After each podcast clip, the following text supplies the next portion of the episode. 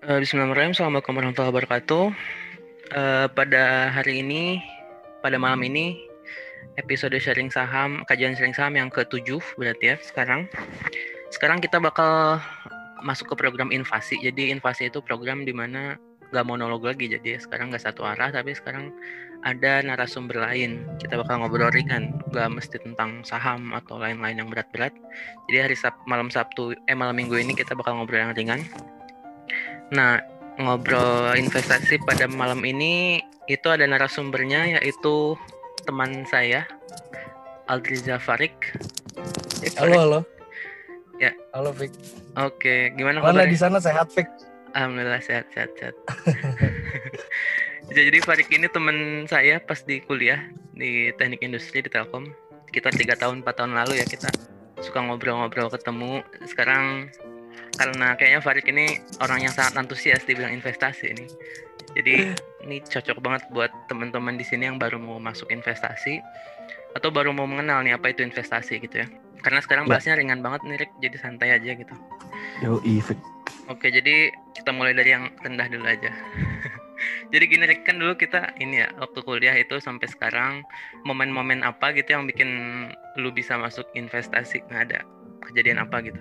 Mungkin kalau menurut gue sih apa ya waktu zaman mahasiswa kan emang kita kan secara keuangan ya terbatas lah ya masih mengandalkan dari orang tua dan sebagainya gitu kan mungkin awal-awal itu mulainya itu ketika emang e, ngelihatnya dari saham dulu sih Vic. Hmm. Jadi investasi pertama yang mungkin gue coba lihat waktu dulu tuh ngeliat oh saham nih apa nih saham Nah mulai dari saham itu ternyata banyak pintu yang kebuka. Oh ternyata investasi nggak cuma saham, ada obligasi dan sebagainya. Nah dari situ mulai belajar pelan-pelan sih. Dan nggak langsung masuk dulu, Vic. Ini sih mungkin yang jadi poinnya ya. Sekarang banyak kan yang langsung masuk, langsung masuk gitu. Mungkin enaknya sih belajar gitu. Karena ini ilmu yang seru tapi beresiko gitu sih sebenarnya. Iya. Nah itu tuh mulai kapan tuh ada kepikiran belajar saham gitu? Belajar investasi, uh, belajar investasi. Tahun hmm, berapa tuh? 2017 lah. Mau ending-ending kuliah dulu gitu, Vic. Dulu tuh di di kampus tuh ada kalau nggak salah tuh dari bursa Efek Indonesia buka kelas buat uh, daftar saham gitu.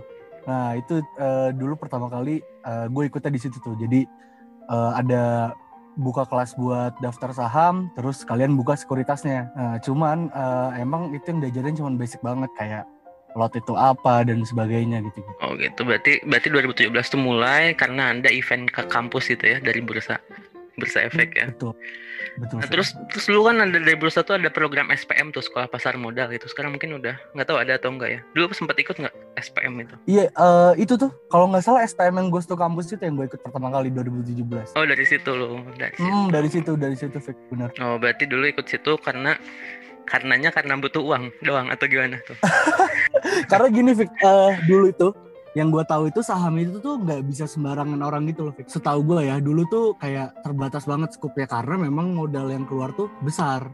Gue lupa uh, detailnya tapi ada batas minimum gitu lah dulu. Dan nggak seterbuka sekarang gitu loh. Kayak ya, sekarang kan Indo Premier. Dulu tuh gue pertama kali bikin akun. Oh nggak, ini nih ada ada. Pertama tuh gue sekarang gue pakai akun kalau di saham Indo Premier ya Hmm. Tapi dulu tuh gue waktu yang SPM itu uh, pakai Philips Sekuritas. Cuman sampai sekarang itu akunnya gue nggak tahu di mana. Jadi bener-bener cuman asal ikut doang terus asal oh tahu nih bikin akun tapi nggak pernah dipakai. Akhirnya gue ke Indo ya itu juga karena lu juga sih hmm. mulai sebenarnya sharing saham ini sih dari sharing saham lu kan mulai ngasih tahu oh bisa pakai Indo Premier segala macam akhirnya gue hmm. coba Indo Premier yang di Bandung yang di aduh yang di Jalan ya? Sunda itu ya ya Jalan Sunda benar gue ke sana ngisi formulir. Kalau teman-teman sekarang kan enak kan? Mah masuk foto-foto gitu. Yeah. dulu mah bener-bener isi formulir tanda tangan. Wah ribet ya iya benar benar benar dulu juga dulu juga gue pertama ikut SPM itu karena makan siang gratis. Iya, ya, ya, bener, yang bener, adanya bener. juga sama sih Philips Sekuritas, terus daftar. Yeah. Tapi yang nggak tahu nggak diurus selanjutnya. Tapi yang penting akhirnya tuh kita kan belajar forecasting gitu ya. Kita belajar gimana yeah. cara analisis market. Lu juga kan belajar kan waktu itu ya MA, moving yeah. average, terus mm -hmm eksponensial gitu. Terus gue mikirnya teknik ini kita bisa dapetin duit lebih nih kalau kita bisa jago teknik ini. Terus gue cari aja investasi apa nih yang cocok? Nah itu saham yang paling cocok. Berarti berarti lu mulai investasi 2000 eh itu mulai belajar 2017 tuh? Atau udah itu mulai langsung belajar. lu fokus udah bikin akun itu langsung fokus belajar? Atau tinggalin dulu lah vakum dulu? Atau gimana? Oh pertama kali benar-benar masuk ke market itu pas ini pas kerja. 2018 akhir lah habis lulus uh, kerja pas kerja itu udah mulai lah apa per bulan sisihin Eh, dulu dan gue nggak langsung beli Fik. gue tuh dulu per bulan dapat gaji berapa langsung gue sisihin ke akun yang penting duitnya di situ dulu Hmm, iya, iya, kalau enggak udah hilang lagi pakai-pakai kayak gitu dulu gue Oh jadi lu lu baru fokusnya udah kerja kali udah ada income gitu ya? Iya, iya. Itu itu itu yang penting sih menurut gua. Kalau investasi pakai uang uang yang dari kita sendiri itu pasti kita akan lebih terpacu untuk untuk belajar lagi gitu sih menurut gua. Emang sih idealnya caranya kayak gini sih ya. Jadi kayak lu gini sih, dapat income dulu, terus kita udah nerima uang, kita benar-benar bisa ngatur uang dulu tuh yang pertama kan. Gimana caranya financial planning, baru ada opsi buat investasi. Jadi nggak terbalik biasanya kita ngatur uang nggak bisa, income nggak jelas, masuk investasi, sampai minjem uang. Kemarin kayaknya pernah ada kasus lu pernah baca nggak tuh kan kasus Iya, iya. online Iya. beli saham BRI, BRIS atau Antam gitu. Itu bahaya banget. Beli di pucuk terus dibanting.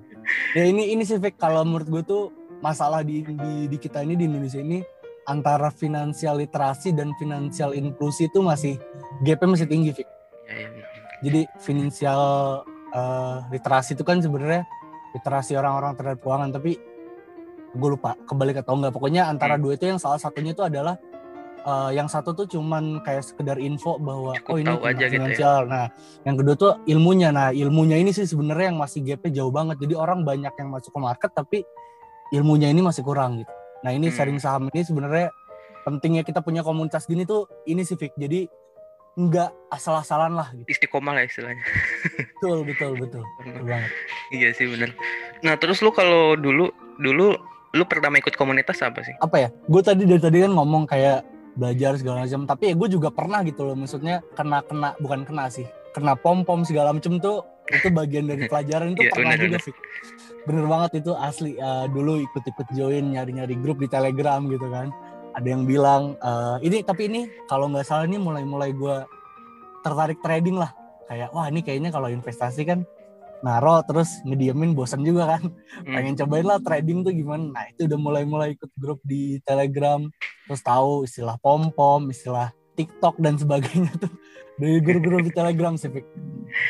Berarti lu masuk sebelum bukan angkatan corona lah ya berarti ya? Lu masuk sebelum bukan? sebelum corona Nah terus sebelum corona. efek pandemi corona nih, buat lu ini negatif apa positif sih buat kita? Buat investor gitu? positif kalau kita masukin duitnya Maret tahun lalu itu positif banget sih. Gila return yes gitu dalam waktu berapa bulan bisa rebound gini ini keren sih sebenarnya. Keren banget Iya ya, sih, sejarah ya, sejarah banget ya. sejarah sih. Heeh. kalau bener-bener kita makanya itu balik lagi kalau kita tahu ilmunya waktu market turun itu kalau ibaratnya ya ya dengan money management ya jangan minjem duit juga ya. Maksudnya kalau mau pakai leverage minjem duit gitu-gitu ya itu ya itu orang-orang Wall Street lah yang paham gitu ya itunya ya. Kalau kita mah kan sebagai retail ya se- semampunya aja gitu kan. Tapi kalau Iya. emang bener-bener kita bisa masuk di harga BNI itu se- 2000 apa 1000 ya? Iya nggak sih? Dulu sempat dulu, Maret dulu sempet murah-murah banget. sempat sempat murah banget. Se- sekarang udah 6000 gitu loh. Ya Bris Bris tuh dulu 300 rupiah sekarang udah berapa? 3000 ya? Udah iya Iya tiga kan? ribuan, dua ribu tiga ribuan. 3000an 2000 3000an makanya kalau kita tahu timingnya itu positif banget gitu loh sebenarnya Waktu dari dari bulan Maret tuh emang konten-konten sharing saham tuh emang banyak banget konten-konten tentang ini harga diskon harga diskon gitu. Sampai gue juga bingung nih konten yang mana orang semua diskon banget nih. Beli apa? Istilahnya udah Iya. apa pun lu ya ya udah aman banget gitu. Udah enak. Nah, terus semakin banyak orang yang masuk nih kan di di pandemi ini entah itu yang awam, entah itu yang belum dapat kerjaan, ada uang sisa, belum ada ilmu financial planning, itu efek buat market gimana sih menurut lu? efek buat market ya Kayak misalkan info gitu, bad news, good news gitu. Apa Oh, iya, iya. Hmm. sebenarnya sih kalau buat dari ilmu yang gue tahu ya sebenarnya market itu tuh bentuk-bentuknya tuh ada ada tiga fix Hmm. jadi ketika marketnya itu bentuknya weak eh, ketika market itu bentuknya semi strong sama market itu bentuknya strong Hmm. Eh, ka- kalau kita bahas dari week dulu waktu kemarin market eh, bulan-bulan Maret itu Maret April 2020 itu masuknya marketnya weak jadi Hmm. di eh, market itu nggak ngerespon gimana ya maksudnya kita ngebaca market itu dengan data historical Hmm. which is dengan data fundamental Ya. karena harganya diskon ya kan itu kan harga diskon semua yang tadi lo Hmm. bilang relate yang lo bilang tadi nih harga semua diskon kondisi marketnya weak kita nggak bisa tuh pakai technical tuh Hmm. karena ya nggak masuk akal Iya benar. moving average-nya di mana segala macam ya kita bisa pakai masuk di fundamental. Kita bisa ngitung di DCF-nya dengan berbagai macam metode lah. Nah ini mungkin nanti menarik kalau untuk dibahas satu-satu nih Fik. kita nanti di sharing saham ini kita ngebahas metode evaluasi DCF dan sebagainya. Nah itu ketika kondisi market tuh weak. Nah ketika sekarang ini sebenarnya harga kan udah hampir kembali ke posisi awal-awal ya. 6.200 6.300 kan. ISG kan sempat 6.000 ah, lupa 400 lah kalau nggak salah. All time high-nya. Nah sekarang ini market ini lebih ngerespon ke news. Jadi mungkin ini disclaimer on juga ya. Tapi kalau emang kita ngelihat sejauh ini market tuh ngeresponnya ke news. Ada news apa market ngerespon kayak gitu loh. Meskipun gue sendiri belum nge-research lebih dalam sih kayak kayaknya menarik sih kalau teman-teman nih kalau mau buat iseng-iseng lagi ini pengen ngebaca tuh mungkin bisa coba cari aja keywordnya mungkin misalnya antam berita tentang antam uh, seminggu ke belakang terus uh, dicek tuh berita. Tapi dari sumber yang kredibel ya. CNBC, Bloomberg dan lain-lainnya. Bisa di, bisa kalian cek oh, beritanya tuh good news atau bad news. Terus ketika udah dicek kita lihat returnnya dalam seminggu itu gimana. Nah kan uh, simpelnya untuk belajar news tuh fundamental news tuh kalau gue mikirnya gitu sih. Jadi ketika nanti ada news apa market sekarang responnya. Tapi disclaimer on ya ini sekali lagi disclaimer on. Mhm. Berarti ini ini sangat berhubungan sama ini ya, sama efisien market eh, hipotesis ya. Betul Yang yang strong, terus yang semi strong sama weak. Mungkin sekarang masih lagi di apa? Menurut lu lagi di apa tuh? sekarang sih masih di semi strong karena kalau kita udah di strong itu tuh sinyalnya itu udah bullish Vic. jadi udah Hmm. bener-bener memang market akan naik terus ke atas dan mungkin ini ada hubungannya dengan kondisi ekonomi juga kali ya GDP kita kan juga belum belum balik lah ya unemployment rate kita juga belum balik ke kondisi pasca eh, pandemi ini kan Belum pandemi ya. Nah, itu kalau udah balik itu semua tools tuh mungkin akan lebih efektif Iya benar. kalau udah balik menurut gue gitu sih. Iya sih emang. Nah sekarang kalau kita kan tadi ngebahas tentang di Indonesia ya, di Indonesia kondisinya kayak gitu. Kalau di di luar juga gue dengar lu juga invest di luar juga ya. itu kan gue juga belajar dari lo. Eh, Nah itu itu gimana tuh menurut lu kalau market di luar dan di Indonesia sekarang lagi lagi tahapnya kayak gimana tuh? Oke, kalau market di luar itu kita patokannya ke US ya, market US. Hmm. Dow Jones, Index Dow Jones, SP 500, Yep. eh, S&P 500, dan sama Nasdaq lah. Hmm. Kalau di kita kan cuma ada bursa efek Indonesia BI satu ya. Hmm. Eh, bursanya kalau di sana macam-macam. Ada New York Stock Exchange. Nah, kalau gue ngeliat sekarang sebenarnya gue nggak tahu pasti tapi gue melihat bahwa kondisi ekonomi di sana itu interest rate mereka itu udah udah hampir nol benar. bahkan Jepang itu interest rate-nya udah negatif which is Hmm. orang-orang tuh nggak naruh duit di bank. Iya. maksudnya make sense nggak benar. ya ngapain orang naruh duit di bank Bunganya return juga. negatif Iya, gitu benar. bunganya Hmm. kecil beda banget gitu loh kalau ngelihat obligasi-obligasi di luar tuh hampir yieldnya udah minus semua gitu loh. Tapi kenapa orang-orang naruh di situ? Karena mungkin itu yang resikonya mereka paling bisa kontrol. Kalau di kalau di finance pasar saham kan namanya resikonya kan nggak ada yang namanya ARB atau Iya. auto reject bawah auto reject atas. Nah kalau menurut gue gini sih Fik, ini marketnya sekarang kelihatannya lagi bullish nih Hmm. di luar ya untuk sektor saham. Tapi yang gue takutkan adalah once si interest rate ini mulai dinaikin, investor itu Hmm. pasti akan narik duitnya dari pasar saham. gitu. Gitu ya. Kaget pasti. Mm, mm, mm. Nah itu sih, itu sih. Tapi juga kita nggak ada yang tahu kan kapan si interest rate itu akan di dinaikin gitu. Tapi untuk sekarang sih masih masih oke lah masuk di market luar gitu. Di Indonesia juga mungkin sama sih ya. Kita kayak kita kayak masih investor-investor masih takut juga dengan kondisi COVID mungkin ya. Karena mungkin ada yang pernah trauma tuh pas kemarin bulan Maret turun terus dia udah cut loss gitu, nggak mau masuk lagi sampai benar-benar ada berita bagus.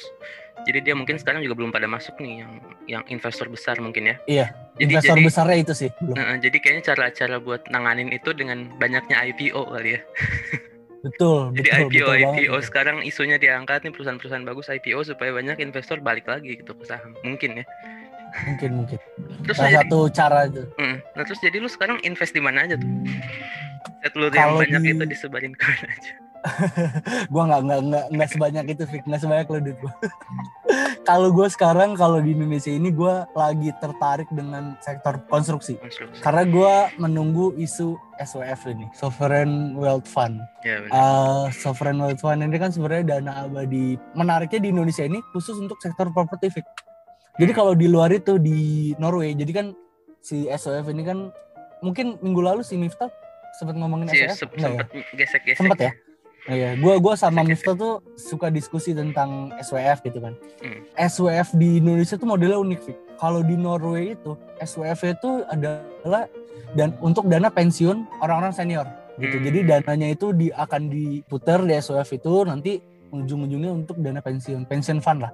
Hmm. Nah kalau di kita ini eh, SWF-nya ini untuk pembangunan lagi gitu loh. Nah ini yang Infrastruktur yang infrastruktur dan spesifik spesifik banget infrastruktur gitu. Jadi ya ini baru yang yang tadi gue bilang tadi yang masalah news tadi ya mungkin kita bisa ngecek aja bulan-bulan Januari Februari kita cek di Bloomberg gitu. Hmm. Bloomberg News ada nggak eh, news tentang SWF? Nah, itu pasti kalau ada pun di situ udah di state bahwa untuk di Indonesia SWF ini khusus untuk konstruksi gitu loh. Jadi menarik banget dan gue belum menemukan SWF lain yang khusus konstruksi ya. Iya iya. benar. Setahu gue ya. Gitu. Berarti lu sekarang lagi lagi berapa persen tuh aset lu masuk ke sektor-sektor konstruksi? Konstruksi sih gue ya. Atau all, all in sana gitu? Kalau di Indonesia sih 60 sampai 70 persen dari aset gue sih di properti. Iya mantap. mantap. Tapi memang sekarang, tapi memang sekarang kan belum ada boom lagi isu ya. Tapi gue sabar Hmm. aja. Maksudnya gue sekarang, emang sekarang lagi kelihatannya masih sideways ya sektor properti fix. Tapi Iya. once it boom lagi, gue melihatnya sih. Ya sih. itu melihatnya emang pro- apa prospeknya bagus banget sih sektor-sektor Betul. sektor itu yang SWF ini. Betul. Nah terus terus berarti berarti lu dari dari gaji lu nih ya kita bahas dari awal dulu dari gaji lu Hmm, itu lu potong buat investasi.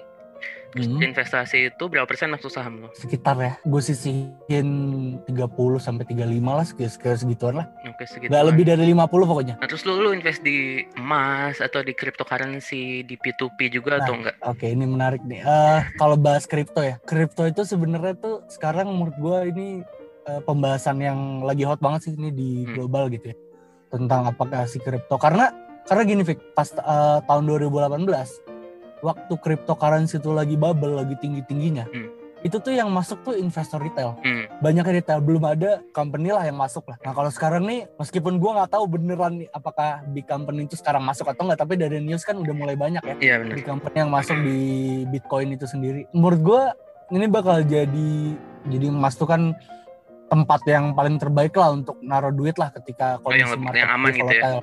Iya, nah mungkin kripto ini menurut gue akan seperti itu sih di masa depan akan seperti emas. Jadi kalau sekarang kita ngeliat kripto kan volatility-nya kan Ya. volatility itu BTW tuh pergerakan harganya itu kan gila banget ya bisa Mhm.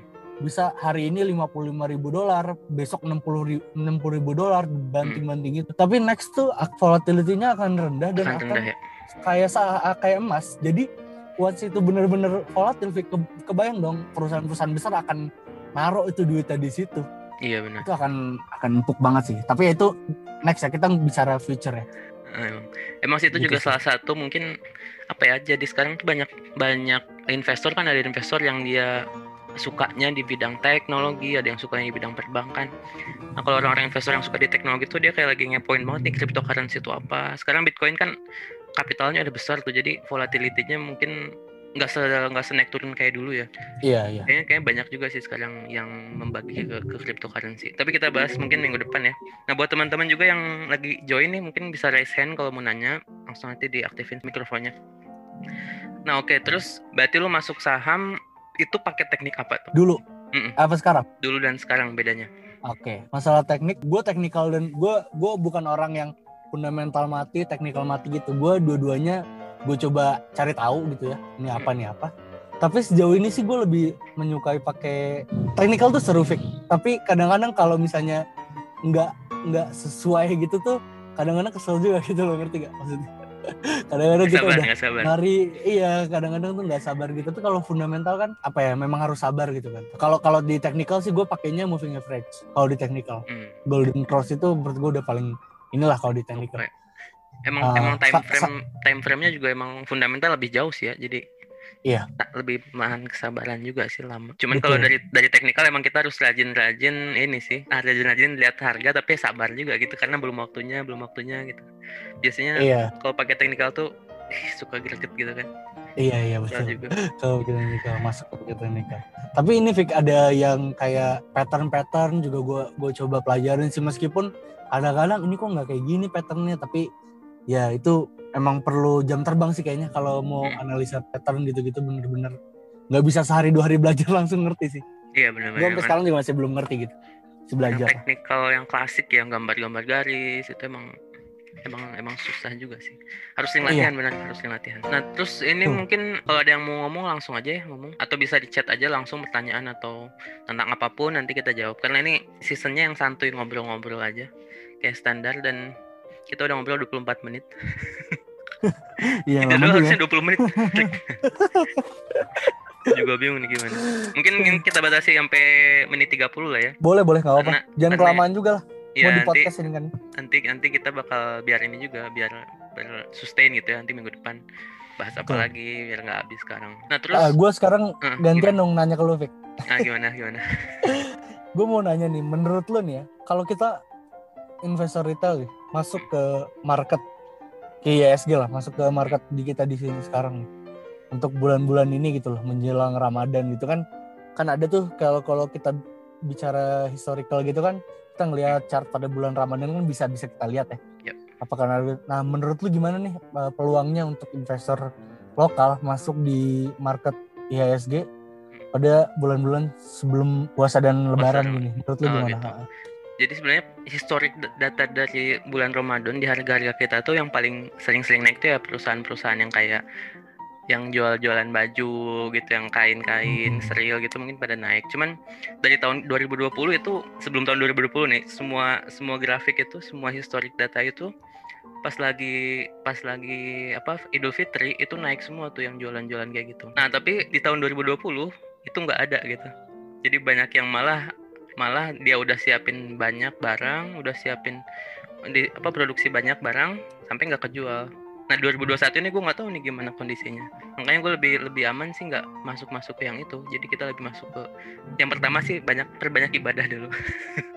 perbanyak ibadah di bulan Ramadan gitu tonton. Nah, terus masuk ke gue sih yang paling paling aman itu masuk ke consumer goods sih Oke. consumer goods itu masih paling aman mau Idul Fitri mau eh mau puasa atau enggak itu bagus. Karena gue takutnya di di tahun ini belum ter, belum bagus banget walaupun pemerintah ngebolehin mudik ya. Cuman kita nggak tahu nih penjualan retail gitu apakah udah baik atau belum gitu. Karena kalau karena kalau belum sih sayang banget. Jadi banyak sektor lain yang lebih menarik kayak tadi lu bilang tuh. Iya. sektor-sektor infrastruktur kalau kita eh, banyak buang cash di sektor retail yang jualan baju tapi nggak pasti mending beli yang udah pasti sih kalau kata gue gitu Efik nih ada pertanyaan nih dari FM. Oh, iya, Halo FM. FM. Dia nanya Oh, alasan bertahan di saham sampai sekarang. Nah, Eh, gimana? apa ya? Menurut gua sekarang tuh lebih terbuka aja sih. Kalau dulu 2017-2018 tuh eh, gua nggak nggak nggak gue juga belum tahu ada grup Telegram segala macem tentang Hmm. saham gitu. Kalau sekarang lebih banyak grup diskusi. Nah, tapi ini trikinya nih, grup diskusinya itu juga apa ya? Grup diskusinya itu juga harus milih yang proper yang benar gitu, bukan yang Hmm. asal-asalan share nih harga apa nih beli ini beli, Beli, ini. Nah, kayak gitu. Mm, mm, mm. Itu sih yang yang menurut gua harus dihindari. Terus alasan kedua gua nggak tahu bisa bilang passion ya?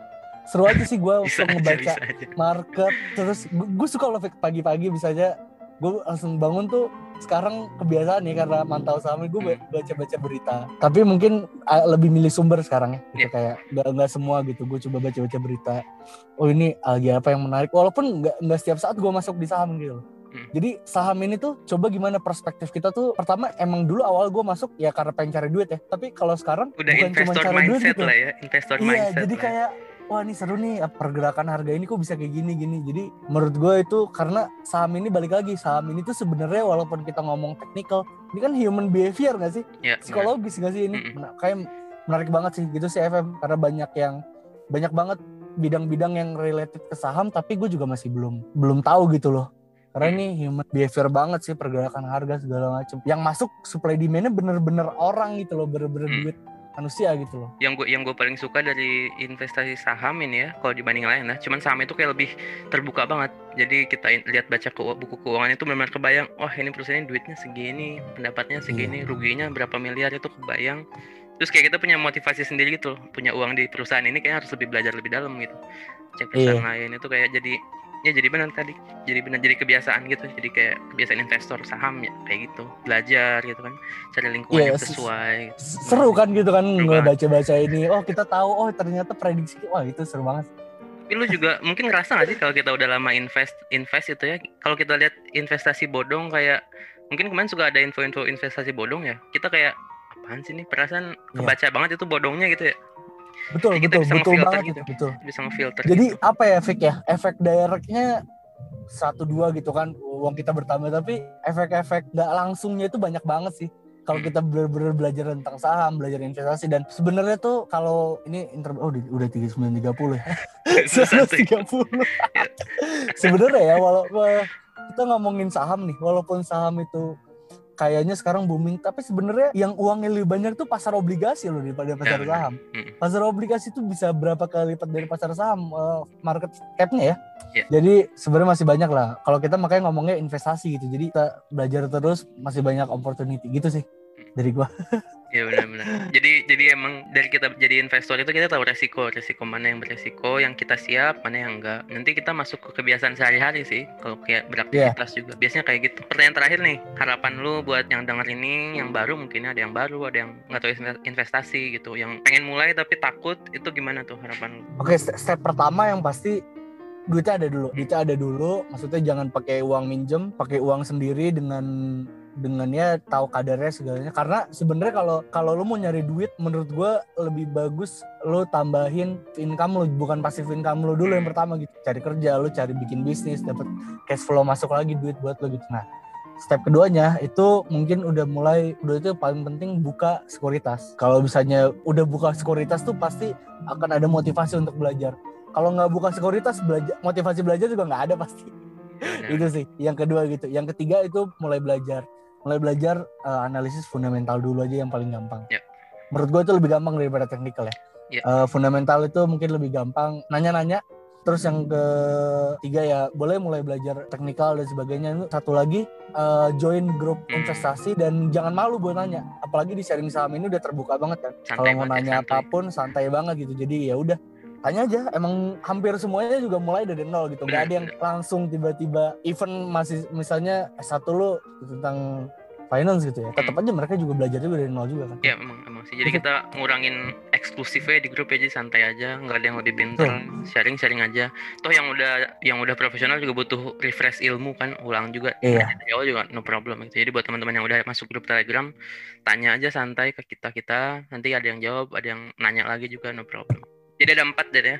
Ada empat tahap dari lu yang pertama uang dulu siapin, yang perlu daftar sekuritas, terus belajar teknik yang benar, yang paling gampang fundamental, terus cari lingkungan ya, lingkungan yang sesuai dengan investasi gitu, yang yang positif berarti cari lingkungan yang benar. Iya, Oke, benar, mungkin pertemuan kita malam ini segitu aja. Jangan lupa buat yang ikut sekarang sharing saham ini ada kajian online kayak gini, gratisan ngobrol santai setiap hari Selasa, Kamis dan hari Sabtu juga. Jadi minggu depan nanti siap-siap aja cek di Instagram atau di Telegram kita ngobrol lagi. Mungkin gitu dulu, Farid. Thank you, makasih banget buat yuk sharing. sama-sama Fik Nanti kita bisa ngobrol lagi lebih dalam. Mungkin buat teman-teman yang mau nanya juga lanjut aja tanya di Telegram ya. Kita ada di grup. oke Oke, deh cukup sekian. Terima kasih waktu dan dan perhatiannya yang udah ikut. Wabillahi taufiq wal hidayah. Wassalamualaikum warahmatullahi wabarakatuh.